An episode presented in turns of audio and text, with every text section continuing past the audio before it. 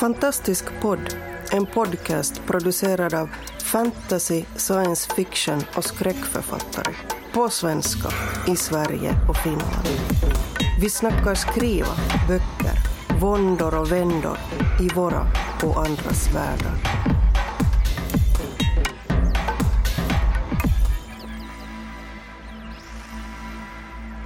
Hej och välkomna till ett nytt avsnitt av Fantastisk podd.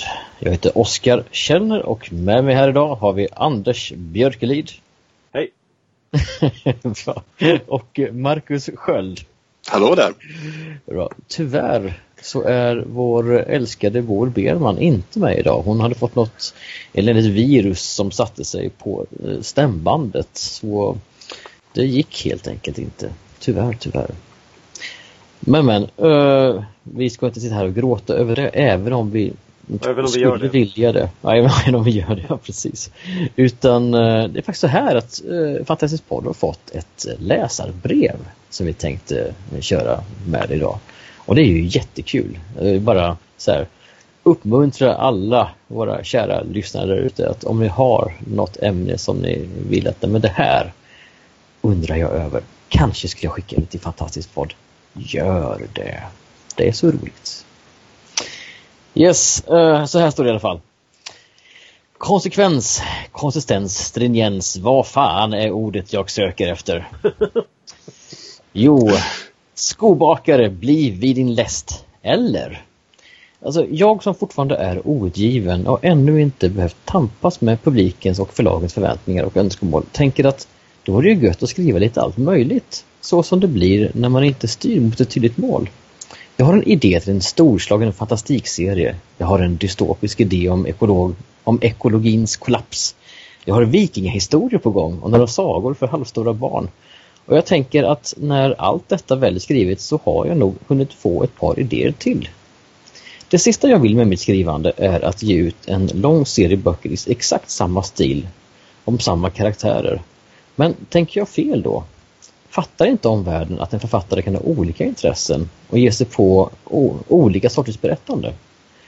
En del författare tar sig nya pseudonymer när de tar sig an en ny genre.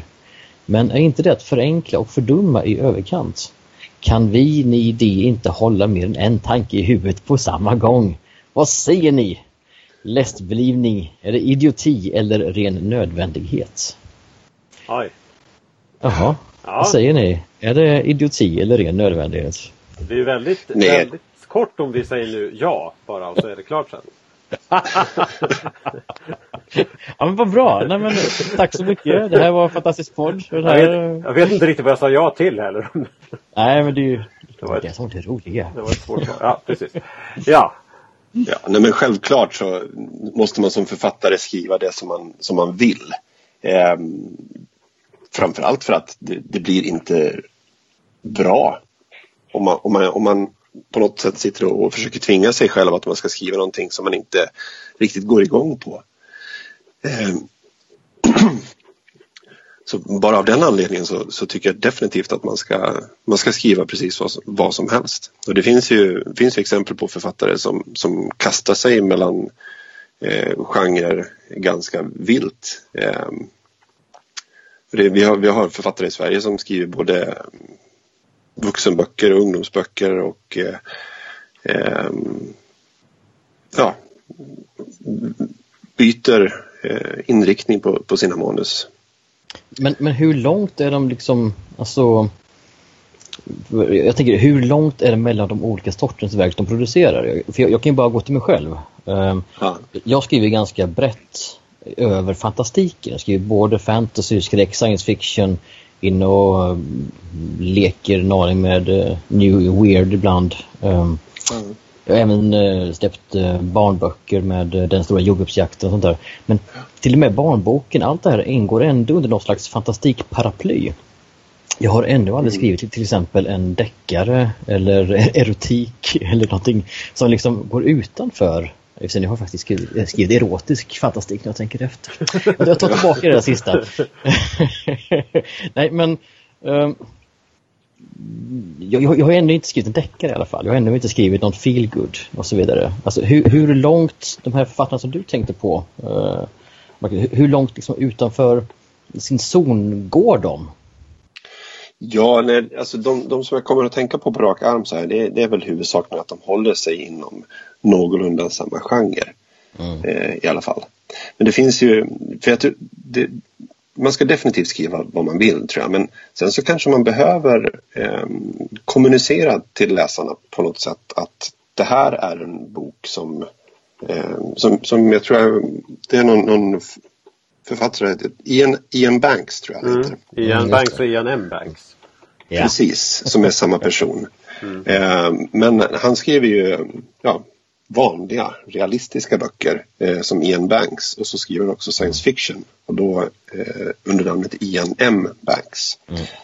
Vilket då är en signal till hans eh, läsare att eh, vill du läsa det här så, eh, eller vill du läsa science fiction så då ska du titta efter mig på det här namnet. Och, titta på M1, M1 ja, mitten, precis. då är det SF. Mm. Ja, precis. Och, och, det tycker jag är jättesmart. För Um, jag, jag, tror inte att det är att förenkla och fördumma i överkant som vår kära brevskrivare säger här. Jag tror helt enkelt det handlar om eh, smart branding. Ja. Därför att uh, vårt författarnamn är så mycket mer än bara vårt namn. Det är en, uh, en orienteringsstjärna för potentiella läsare och uh, bokhandlare och allting. Liksom, ja.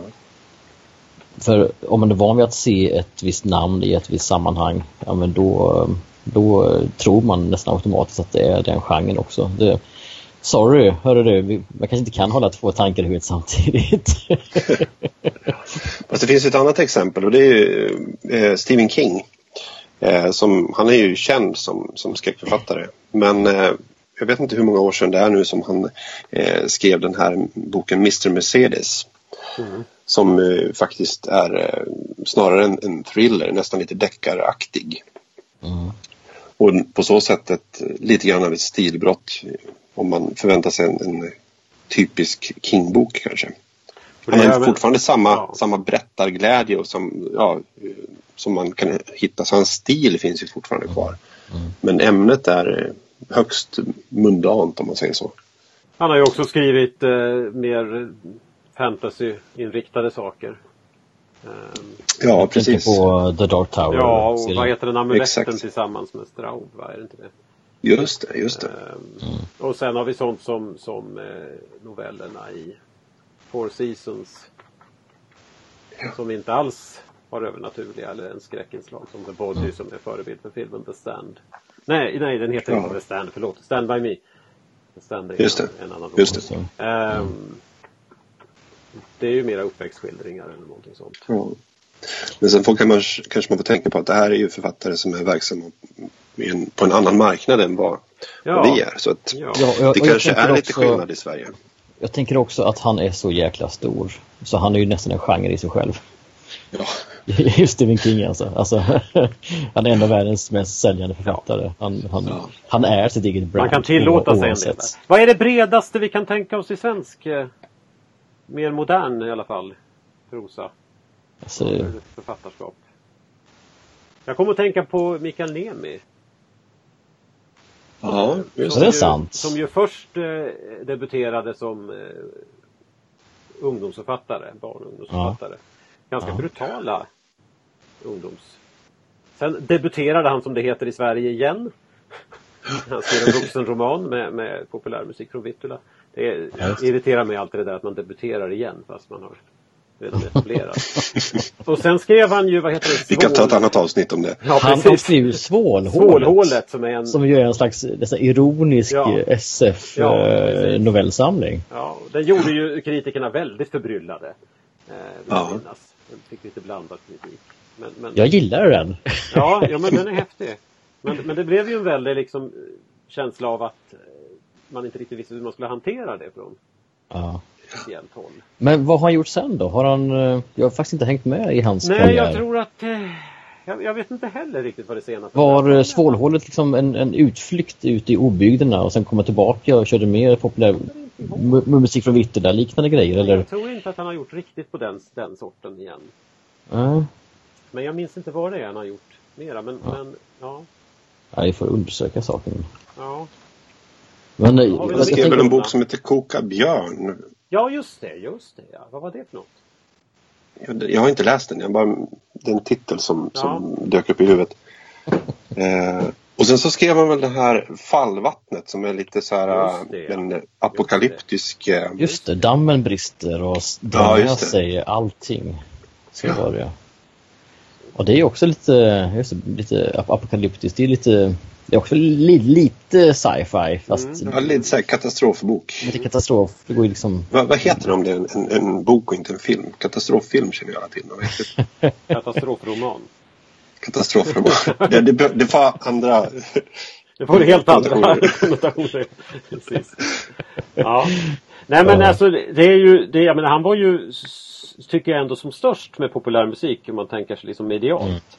Mm. Eh, Så, att, så att han är väl kanske ett exempel också på att eh, när man inte förvaltar den enkla berättelsen om sig själv eh, så, Mm. så kanske man också riskerar att försvinna lite grann i det offentliga Mm. samtalet. På något sätt. Ja. Det, menar, det kan ju finnas andra orsaker till det också men, men ehm, jag vet inte, har vi Nej, men, Nej, men det kanske är ytterligare ett, ett exempel på det här att nej, vi kan inte ha två tankar i huvudet samtidigt. Mm. Sorry. vi behöver ganska enkla, raka linjer här. Men det finns ju andra, Kerstin Ekman till exempel börjar ju som ren deckarförfattare. Ja. Eh, och eh, det har hon ju inte stannat vid nej. på något sätt. Eh, och hon har helt till, och med lyckats kunna komma tillbaks till någon liknande deckarintriger där med händelser vid vattnet utan att förbrylla folk. Så att, ja. Men kan det vara faser i ett författarskap? mm, Eh, att det kan finnas en skillnad mellan att, att man under en period skriver inom Mm. en, en, en specifik genre och sen rör sig vidare för att sen kanske återvända eller röra sig ytterligare vidare. Jag tänker också, det kan, kan inte vara skillnad om man har skrivit ganska många böcker så att man ska ha en sådär 6-8 deckare bakom sig mm, och sen sakta så skevar man liksom iväg åt, lite, lite åt ett annat håll snarare än Ja. om man har en sån här riktigt stor hit som populärmusik i Vittula. mm. Eh, Och sen kommer bok två, så någonting helt alls annat. där, precis. Ja, jag tror Nej. att det är annorlunda. Jag, jag har ju min, min, min kompis eh, Mattias Lönnebo, han skriver ju eh, han skrivit en hel del fantasy för barn. Så här, mysiga eh, barnfantasy. Sen så skrev han ju också en, eh, en ganska rå eh, deckare med eh, intrig där det var ett pedofilnätverk. Eh, som, ja, det, det var ganska rått. Men, då går han ut under pseudonym, Viktor Ja. Kant. Och jag tror, jag har inte pratat med honom om det, men jag fick känslan av att han kanske i början ville liksom hålla det lite hemligt. Att, eh, hur det var han som skrivit det eller inte. Men ganska snabbt så eh, sa nej men det är jag som skrivit den. Så men, Ja. men satte det ändå under en annan etikett. eh, bara för att Men där- ja, men, där men är för, ju- inte, för, inte förbrylla. Och det, och det är ganska tydligt varför också va? Det är väldigt tydligt varför. Om man är känd för att skriva barnböcker och sen så skriver man någonting som definitivt inte är lämpligt för barn att läsa så Ja. vill man ju verkligen inte att det ska råka förväxlas. Nej. Men eh, för jag, jag håller fortfarande fast vid att man som författare så ska man ha rätt att skriva precis vad man känner för. Ja. Eh, men man kanske behöver vara medveten om att det finns, eh, finns risker, eller vad man ska säga. Om man inte tänker på det. Ja, ja, kan vi inte liksom eh, ta upp den punkten lite grann? För att det, det är ju en sak att man, man kan som författare ge råd till andra författare att skriv det du, det du vill skriva. Det, det är liksom det som fungerar bäst. Det är svårt att skriva liksom med tanke på att passa in i en marknad eller en, en, en önskan eller någonting sånt. Utan du, du måste skriva på något sätt från dig själv. Men, men det är ju en Ja, annan precis. sak att, att, att säga eh, vad är riskerna med det? Va? Eh, Är det så att man eh, alltid kan förvänta sig att man blir publicerad fast man lämnar liksom det som man har sålt in sig på tidigare? Alltså det, det där är ju en, en del som jag inte vet någonting om alls eftersom jag ger ut mina egna grejer. Det är ju ett praktiskt sätt att komma Ja visst undan är det. Jag kan Ja. skriva precis vad jag vill och Ja. när, jag, när jag är nöjd med det och jag har låtit det gå igenom eh, redaktion och korrläsare. Då släpper jag det på mitt eget förlag om ingen annan vill ha det. det, så, det ingen annan vill ha det. Ofta ger jag ut det på mitt eget förlag för att jag vill ge ut det den vägen. Liksom. Men det är väl lite, det är ju lite, lite grann så man gärna ser på, på en författare. Lite som autören som verkligen ja. själv kan välja vilken väg han hon vill gå. Ja. Men, men då måste man ha en... finns det ju det finns så många olika varianter som ja. och no, någons historia verkar inte vara någon annans lik överhuvudtaget. Eh, det finns ju författare som, som landar på ett förlag och sen så sitter de, får de ett flerbokskontrakt där och sen så lever de vidare. Det är nästan som en typ av anställning. Mm. Ja, Medan det finns, finns andra som hoppar runt mellan förlag och eh, mm. varje gång behöver hitta något nytt. Liksom. Mm. Ja, precis. Eh, och, det, och jag vet ju verkligen ingenting om hur, hur det ser ut om man har liksom ett flerbokskontrakt. Om, jag antar att det kanske är lite mer specificerat vad, man, vad förlaget förväntar sig att man skriver för någonting. Då. Mm. Ja, jag har ju skrivit under någon sorts kontrakt med en serie med, med berättelser om blodet. Eftersom ja. jag inte hade explicit utskrivet att att eh, jag skulle producera så många böcker på en viss tid så var det ju liksom från början bestämt att det är fyra stycken. Och ja. Så länge de säljer tänkte de i alla fall ge ut dem. Ja. Där, där hade jag ju inte så att säga ett val och de hade, de hade ju ett val, de hade ju satt ju på trumpen så att säga. De hade ju kunnat ja. sluta ge ut mig om det inte sålde. Men jag hade ju inte ett val och, eh, i alla fall att gå till Natur och kultur och säga nu skriver jag någonting helt annat än de här Nej, då, då hade du fått hitta ett, ett annat förlag. Ja, precis. precis. Jag var ju inte livegen på det sättet men de hade ju inte nej. velat liksom Nej, jag, jag skiter i det här, jag orkar inte längre. Nej, hörni, ni har gett ut de första, första tre delarna. Ja. Men fyran, den är så jobbig. Jag skiter i det. Jag har skrivit en, jag har skrivit en liten, liten en diktsamling här om en kanin som heter Bobo. Ja. kan ni ge ut den istället? Jag vet att jag har lagt ut en massa trådar och att jag ska försöka knyta ihop säcken men det går fan inte att göra det. Här är en lista på de 300 sidor med snabbmatsrestauranger som jag har besökt. ja. Nej, men där, det, det, finns ju liksom någon sorts gräns för vad förlagen går med på i sådana lägen. Också. Men det, är också, det finns ju också möjligheten för författare, eller exempel på författare som lämnar förlag. Inte för att de inte blir utgivna utan för att de tycker att nu vill jag skriva något som inte det här förlaget passar de förstår sig inte på den här typen av litteratur jag tänker ja. Eh, skriva. De, de, kan inte marknadsföra den på rätt sätt. Eller de kan inte... Och det finns ju en hel del författare som är på många olika förlag samtidigt och faktiskt säljer ändå ganska bra. Så ja. Det är ju också en möjlighet. Mm. Ja, det kanske är en variant på den här INM Banks eh, ja. eh, approachen. Att eh, man ser lite grann till vilket förlag den här boken ligger på kanske inte lika tydligt för, för, för en läsare men möjligen. Kan ju ändå signalera ganska mycket med hur, hur omslag och hur marknadsföring ser ut där på något sätt. Det kan nå i andra kanaler. Ja. Så att ja. um, den biten finns ju också. Ja. Nej men jag, jag håller ju bara med fullständigt att man måste skriva det man har passion för. Man ska man ska skriva det som man eh, verkligen brinner för, för annars blir det inte riktigt bra prosa. Uh, visst, det finns en arbetsdisciplin man kan lära sig att skriva oavsett, men uh, man vill ju ha kul om man vill att passionen ska lysa igenom. Sen när det kommer till själva publiceringen och brandingen utåt, som jag sa innan, så författarnamnet är ju bara ett författarnamn. Det är bara en, en markör för att hjälpa människor att orientera sig.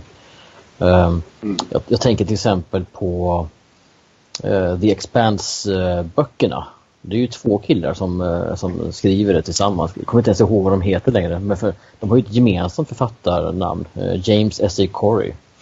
Som de liksom sätter på alla grejer som de gör tillsammans. Så det är liksom att orientera läsarna att nej, det här är liksom vårt brand. om ni läser grejer av James S.A. Corey så, så blir det coolt liksom. ja.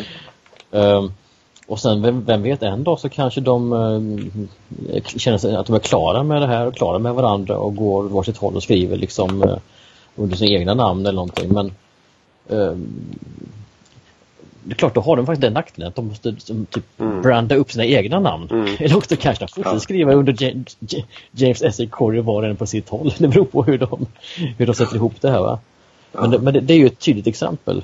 Det är ju lite uh, grann som en musikgrupp på något sätt med soloprojekt och sådär med den skillnaden att musikgrupper är medlemmarna oftast lite mera högre profil än, än två författare som gömmer sig bakom en pseudonym. Det...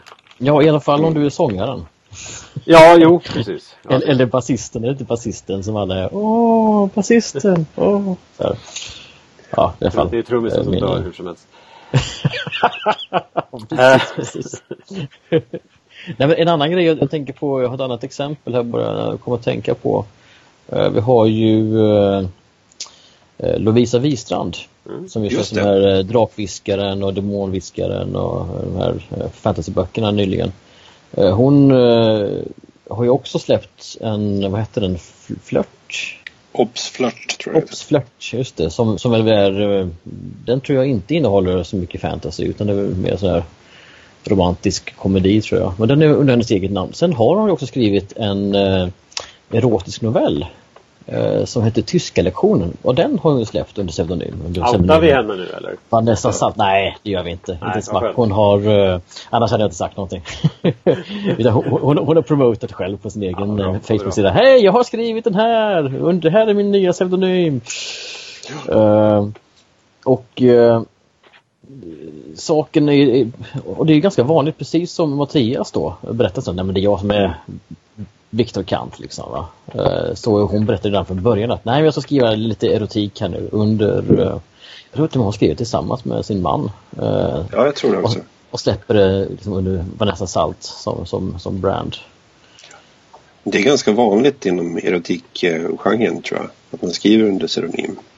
Ja, det är väl den, den, det är väl den genren som det är absolut vanligast. Jag skulle ja. misstänka att den majoriteten av alla eh, författarnamn du hittar under den kategorin är eh, pseudonymer.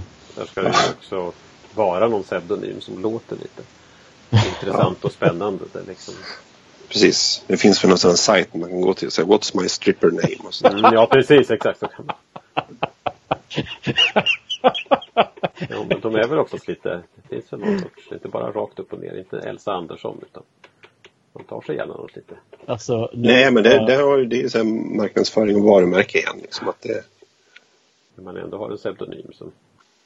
Men, men sen finns ju hela den här liksom det, det, finns ju den här eh, komplexet med där, där pseudonymen i sig är en del av marknadsföringen. Alltså att det är en pseudonym är känt och och mysteriet bakom den. Vi, I Sverige är kanske Bo Baldersson nästan bortglömd men det var ju en gång i tiden den stora svenska gåtan. Vem är Bo Baldersson? Är det en politiker eller är det någon annan högt uppsatt person som skriver de här vad det nu var, politiska mysdeckarna kan man väl kalla dem. Eh, och vi har ju Kepler. Kepler, hur länge var det hemligt? Det var väl hemligt typ en hel bok eller någonting det sånt där? Det, ja. Innan ja, några journalister började gräva Precis. i uh, pengaspåret helt enkelt. Uh, och upptäckte att mm. pengarna gick till vad heter de, Alexandra Coelho mm. Andoril och Alexander Andoril. Precis, exakt. Alexandra och Alexander. Två namn som, där, där är ju två namn som skulle kunna sälja av sig själva så att säga. Det är så att man börjar undra om det också är en pseudonym. Men egentligen heter någonting annat. det hade ju faktiskt varit väldigt ja, kul. De, de uppträder i alla fall under det namnet. Ja. Fysiskt. Men vi har ju också, vad heter hon, äh, italienskan? Ähm, ah, som, som verkligen liksom blev uppspårad. Vad heter hon? Heter hon? Ferrente. Heter hon. Ja, just det. Ja. Och som äh, verkligen inte ville att det skulle nej, komma ut. Nej, precis. Och där var, ju, där var det ju väldigt dubbelt. Där var ju mysteriet en del av hennes hennes varumärke så att säga.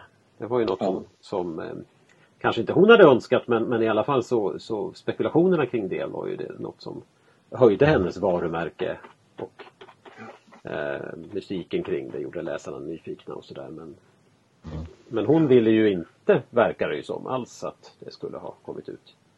Nej, och det är ju två, två olika anledningar mm. kan man säga till att, att man skriver under pseudonym. Eh, antingen för att guida läsaren till vilken typ av bok det här är eller att eh, man helt enkelt vill dölja sin identitet. Mm. Alltså det finns ju en, eh, en historia eh, som just är inom eh, science fiction också. Som är ett ypperligt och ganska tragiskt exempel på det här. Eh, jag tänker på eh, James Tiptree Jr. Ah, mm. Som var eh, pseudonymnamnet. Eh, det var under den här New Wave-perioden på sent 60-70-talet där eh, när det kom en massa ny häftig science fiction många av dem hade feministiska teman. Man frångick en hel del av det tidigare ganska teknologfokuserade science fiction och hade mycket mer sociologi och psykologi och gick in på de, vad säger kanske aningen mjukare men eh, kanske ännu intressantare ämnena. Mm. Och eh, det var väldigt många eh, duktiga kvinnliga författare som eh, kom fram i, i den vågen. Men så fanns det en man som eh, höjde sig där i mängden och det var James Tiptree Jr. Eh, det var väl till och med, jag vet inte vem det var som sa det nu, men det var någon, någon som sa att det, tack gode gud att vi ändå har James Tiptree Jr. Annars hade alla nya duktiga författare varit kvinnor. Mm. men ingen visste ju vem James Tiptree Jr. var. Det var ganska uppenbart att det var en pseudonym. Uh, och han kom ju aldrig till några kongresser, han kom aldrig till någonting utan uh, mail, inte mejlledes, brevledes, för den, för den tiden skrev han pappersbrev. Så uh, brevväxlade han med jättemånga mm, andra författare uh, och med fans och sådär. Uh, mm. Men ingen, men det hamnade i någon box någonstans och ingen visste liksom vem det var som kom och tömde den och sådär. Uh, sen så var det något uh, fan som bara skulle ta reda på vem det här var och gick och stalkade den här boxen till flera dagar och till slut lyckades ta reda på att den eh, som var bakom pseudonymen, hon, hon, hon, för det var såklart en hon, mm. hon hette Alice Sheldon och var en eh, pensionerad eh, före detta CIA-analytiker. och bodde tillsammans med sin man ute på landet någonstans. och hon ville ju absolut inte överhuvudtaget bli uppspårad. Därför hon, hon skrev ju eh, av sig mycket av sin frustration kan man säga. Över, för, för hon var ju en av de här som skrev mycket feministiska te texter och så i, i, den här tiden. Och hon, hon hade liksom det här som, som som ett utrymme i sitt liv där hon fick vara kreativ och skriva av sig det, det, det, var faktiskt så att så, så, fort som hon blev avslöjad som, som alla visste om att men, oj, hon, hon heter Alice, Alice Sheldon så menar många att hon tappade därefter eh, en hel del av sin kreativitet och blev aldrig igen så bra som hon hade varit när hon hette James Tiptree Jr. Därför att det här psykologiska utrymmet mm. eh, försvann liksom. Det, det skyddet som pseudonym hade varit försvann. Och det slutar väldigt tragiskt. Eh, I, I maj 1987, har för det var, så, så eh, sköt hon först sin man och sen sig själv i en slags självmordspakt. Han var väldigt gammal och uh, sjuklig. Så hon, i alla fall, hon sköt honom och sen, och sen sig själv och lämnade kvar några brev och ja, sådär. Så det, Ja, en, hon, hon, är en fascinerande karaktär. Kan, kan faktiskt, mm. eh, jag kan rekommendera alla som lyssnar på det här att eh, läs på om Alice Sheldon eller James Tiptree Jr. Det finns några utmärkta podcasts också eh, som jag kan länka har till. Ju namngivet och som, Tip, Tiptree Award som är en av de viktiga Ja, just det, just det. Science fiction-priserna. Precis, precis. Eh, men, men det, där är ju, det där är ju också ytterligare en sak för det här med, med just pseudonymer som, som mm. du, får, du ska skriva vad du vill och du ska skriva det du själv vill. Men, men vad händer liksom just när man inte vågar skriva mm. det man vill? När, man liksom, när ens egen persona är i vägen för det. Det här, det här är ju ett sådant exempel. Att det, mm. Där är ju pseudonymen, det, det, är som en skådespelares kostym eller någonting. Man kan gömma mm. sig bakom någonting. Det, Ja, ja den gav henne livsluft. Ja. Sätt, ja. Plats att andas. Att leva ut delar av sig själv som inte fick plats annars i hennes liv. Det är, det är lite så här, ibland är det lite fint tänker man att man ska vara som Knausgård och skriva sitt liv och vara öppen med sina sår för omvärlden och så Ja. vidare. Men ibland är det ju faktiskt så att ett författarskap kräver tvärtom. Att, Ja. att man får en möjlighet att öppna dörrar i hemlighet. Ja. Att det är först då man kan vara ärlig. Jag kan förresten också, när vi ändå pratar om henne, ehm, hon har skrivit en, en novell som jag tycker är så totalt genial som alltså, ni bara måste läsa. Den heter Love is the plan, the plan is death. Och, eh, och, och är det absolut bästa eh, jag läst någon gång om eh, porträtteringen av en annan intelligens än, än, än mänsklig. Jag lägger en länk till dig i, i, i det här blogginlägget för den här podcasten. Det finns som man kan lyssna helt gratis på, på nätet. Det blir hemläxa till nästa gång. för alla Det blir det. det, blir, Mm. Ja, det Yes. är bra. men, men, men jag tänker i alla fall på det här med ehm, hon dolde sig ju för att få livsluft. Hon dolde sig också mycket för att hon var kvinna och inte orkade med mm. den här utsattheten. Och just den biten, att vara extra utsatt för att man är kvinna, den är ju fortfarande tyvärr kvar än idag. Ja. Man kan ju bara kolla på J.K. Rowling. Det var precis vad jag tänkte på. Alltså det finns en orsak till varför hon heter J.K. Det var ju för att förlaget sa ah, vi inte ge ut fantasyböcker så skriver de en kvinna. Kan vi, kan vi korta ner ditt namn på något sätt? Vi kanske bara använda in initialer. Och hon hade väl inte ens något mellannamn så hon bara tog K någonstans ifrån. Mm. Eh, bara för att få dubbelt. Och så går de ut och så tänkte de att ja, vi hoppas ingen märker att det är en kvinna. Och det dröjde ju inte så länge liksom innan det var uppenbart. Men Nej. ehm, det, Nej, men det är, det är väl kanske inte att det behöver vara en aktiv hemlighet utan det är mera för att inte den här inbillade grejen att man skulle avskräcka eh, läsare i, i bokhandeln. Och det finns många fler exempel. Vi har eh, Robin Hobb ja, precis. Exakt. Eh, som jag faktiskt glömt bort just nu. Vad heter hon egentligen? Hon heter... Uh, Google. Hon heter... ja, just det. Hon heter uh, Margaret Astrid. Lindholm. Just det. Jag har suttit och pratat med henne en kväll. Eh, Robin Hobb. Det var ingen av er som var med då? Nej? Jo, jag, jag Du var tänker med. när hon kom till English Bookshop. Ja, precis. Du, visst var du Ja, med i där? Uppsala. Ja, jag var med där. Ja, det var inte i Stockholm, det var i Stockholm. Okej, ja, jag var ju i, i, i Uppsala. Ja, ja, det var hennes offentliga. Sen, jag var inhyrd som, eh, jag vet inte vad man ska kalla det, sällskapsdam. det känns jättekonstigt att hyra in mig som, Ja, som någon form. Men vi var ett litet gäng personer som åkte till Stockholm efter att hon hade varit, gjort sina saker. okej, okej. eh, fikade med henne och hade Ja. ett samtal bara. Och det var ju väldigt speciellt för då var det ju i, i ett ganska privat sammanhang. Ja. Eh, där vi liksom satt och pratade om allt möjligt. Eh, jag minns att dinosaurieporr var något som hon blev överraskad över. Det var mitt fel att vi kom in på det. Eh, men men, men eh, då, då, då presenterade hon sig som Robin Hobb. Ja. Och det var det hon var där. Eh, Jag tror Erik var med där. Ja, Erik Granström var med också. Eh, Och han, han tyckte, jag minns att han kommenterade efteråt och sa att det, det är som hon har en persona som hon aldrig släppte under det här samtalet utan antagligen för att orka med sådana här turnéer och sådär. Så hon, hon var Robin Hobb hela vägen. Eh, Hon var inte liksom privatpersonen någonsin där. Och det, det är ju ytterligare en sak som en pseudonym kan vara också. Att det, det, man kan lättare kanske spela rollen av författaren. Mm. Speciellt en sån person som är, måste vara författaren väldigt länge och ofta. Mm. Ja. Som en slags uh, sköld för att Ja, konservera sin energi. Ja. Jag, jag vet att vi pratade om det där jag och Erik Granström. Han tyckte det var, kändes lite Han var lite irriterad på att det, att det fanns ett avstånd. Han, han tyckte gärna att det skulle vara lite mer Ja. Nej, Och jag kände snarare, jag blev lite lockad av idén.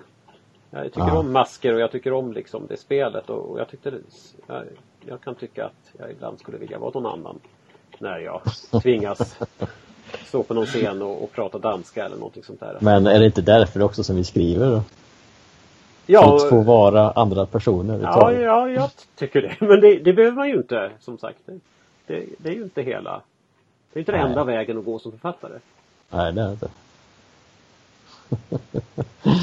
ja. Förresten, fick inte vi, även om Boel inte är här, vi, vi, fick väl med någonting från henne? Just det. Um, ja, hon eh, skrev väl att hon, uh, hon är väldigt för pseudonymer. uh, och uh, det har ju mycket att göra med att för att för, motverka förvirring.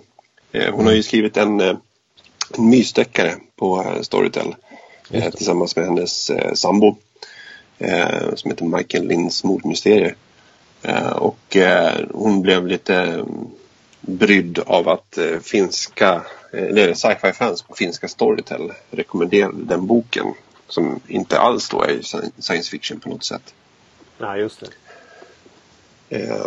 hon, hade hon hade tyckt att det vore bättre att hon hade haft pseudonym där då? Eller? Ja. Eller så, mm så kanske de här science fiction-fansen fick upp ögonen för, för mysiga mordmysterier och tyckte att det var fantastiskt. ja, ja, men ja, samtidigt, det, jag menar, det, det finns ju också en, en, det finns ju någonting i den här brevfrågan då att något, något antytt att är det så att vi inte klarar av att korsa mm. genrer som läsare heller. Och det, det, det är jag lite rädd för att det kan vara ibland, men det gäller väl inte alla läsare. Men ibland kan jag tycka ja, att det är lite väl lätt. Ja, liksom, jag har hittat min genre, jag läser den. Ja. Det är ju ofta eh, något som vi som fantastikförfattare ofta eh, är väldigt förtjusta i att prata om. Att folk vill inte läsa den här typen av, av böcker. Mm. Men det är samma sak med, med deckarförfattarna säger samma sak. Att de, de råkar ut för samma sak. Att eh, de möter läsare som säger att nej men jag läser inte sånt skräp. Jag läser inte deckare. Liksom. Men, men det gäller ju även liksom inom, inom genrerna. Min, min hustru som jobbar på, i bokhandel hon säger ju att hon har kunder som kommer in och säger ja, men nej, jag läser bara fantasy med drakar. Ja. Um, mm, Drakfantasy, det är min genre. Liksom. Det, Precis. Så här, jag, jag, jag läser bara det, liksom, men... high fantasy. Jag vill inte ha någon low fantasy. Nej, precis. Jaha, ja, okej. Okay. Jag tycker inte det är något fel att tycka om det men, men samtidigt det känns det ju som om man eh, begränsar sin värld lite. Ja. Kanske i onödan. Mer än man ja, man, man gör nog det. Um, sen så har ju folk rätt att uh, tycka om vad de vill naturligtvis. Ja, alltså jag känner, låt folk läsa det de vill. Ja, ja, låt visst, dem precis. lyssna på det, det, de tycker om. Och, om de inte vill gå över några genregränser så eh, whatever, vem, vem bryr sig? För ärligt talat, vi lever i en värld idag, framförallt om vi är på den engelska marknaden, där varje liten sub, subgenre uh, har så enormt många titlar så du kan gräva ner det i vilken navel som helst. Ja, om du tycker det är kul, ja men gör det. Alltså, Sen kanske man missar man... någonting någon annanstans men so what? Om du, om du ja, är du är. Så. Precis, det är det man måste vara medveten om. Att det är liksom, man, man riskerar att kunna missa ja. bra grejer. Och, och det är därför jag tycker också att eh, jag, jag tycker, jag tycker pseudonymer är bra, om inte annat som en markering. Men jag tycker också det är bra, eh, i alla fall om man inte har behov av det som någon typ av sköld eller levnadsutrymme. Jag tycker det är ganska bra att man är öppen med att nej, det här är jag, för jag skriver bara under en pseudonym. Så att folk ja. vet det. Och vet precis som Ian M. Banks att nej, men då är det SF och Ian Banks då är det deckare. Liksom. Så det är en tydlig post så. Boel tog ju upp det här för att inte förvirra. Det kommer vi att tänka på en författare som jag nu inte minns namnet på, men en, en spansk författare på 1900-talet. Som gjorde tvärtom, som hade pseudonymer för att förvirra. Eh, han, han, skapade, jag tror att det är tre olika eh, författarpersonor. Eh, en var en, en, kraftigt modernistisk poet och den andra skrev lite lätt eh, romantisk herdelyrik. Eh, och eh, han, han var inte öppen då med att det här var samma person. Eh, och han blev publicerad och, och recenserad som båda, eller tre, alla tre personerna. Och dessutom gick han så långt till slut så att han började eh, anstifta gräl mellan sina ogna personer i tidningar. Där han kallade dem det låter ju fantastiskt. Klåpare och eh, bakåtsträvare den andra för obegriplig. Jag tänker att han kanske hade någon form av diagnos dock. Ja, jo, det är, det är fullt möjligt. Men samtidigt, jag, jag blir lite attraherad över tanken då liksom ja, kunna jag, jag skapa, att skapa sitt universum extremt... så mycket så att så man kan gräla med sig själv i offentliga rum. ja, han måste ha varit extremt skicklig ja. att kunna alltså, ta sig till toppen alla tre pseudonymerna och genrer. Alltså det är ju Birger Sjöberg gjorde ju någonting sånt. Um, slår det mig också. Eh, Fridas visor, Birger Sjöberg. Eh, Okej. han, han skriver ju någon sorts eh, medveten pekoraldikt kan man säga. Liksom han använder sig av enkla klichésaker. Han, fick jätt, han blev jättenedsablad i Sverige första gången han Okej. publicerade Ja. Fridas visor. Och just för att det, det var ju då gällde ju modernismen och han behärskade ju inte den och hade inte förstått den. Då skrev han en modernistisk diktsamling under pseudonym. Eh, Aha. som eh, blev hyllad. Jag kommer inte ihåg Just, pseudonymen just just nu. Bara för att visa. För att visa att jo, men det, här, det, här, det, det är inte så att jag inte kan det här utan jag har valt Mm. vissa stiluttryck här. Ja. Eh, Jag har, jag har valt att, att ha de här lite klumpigare formuleringarna. Mm. Eh, eh, Han var Ja, liksom en så att säga, medveten pekoralist eller vad han, vad han kallade sig själv. Men det tycker jag också, det är, det är också ett sätt, en orsak att vara pseu- pseudonym eller att gömma sig ibland. Att, att eh, faktiskt eh, förväntningarna eller, eller förutsättningarna är så, så de blir så tyngande.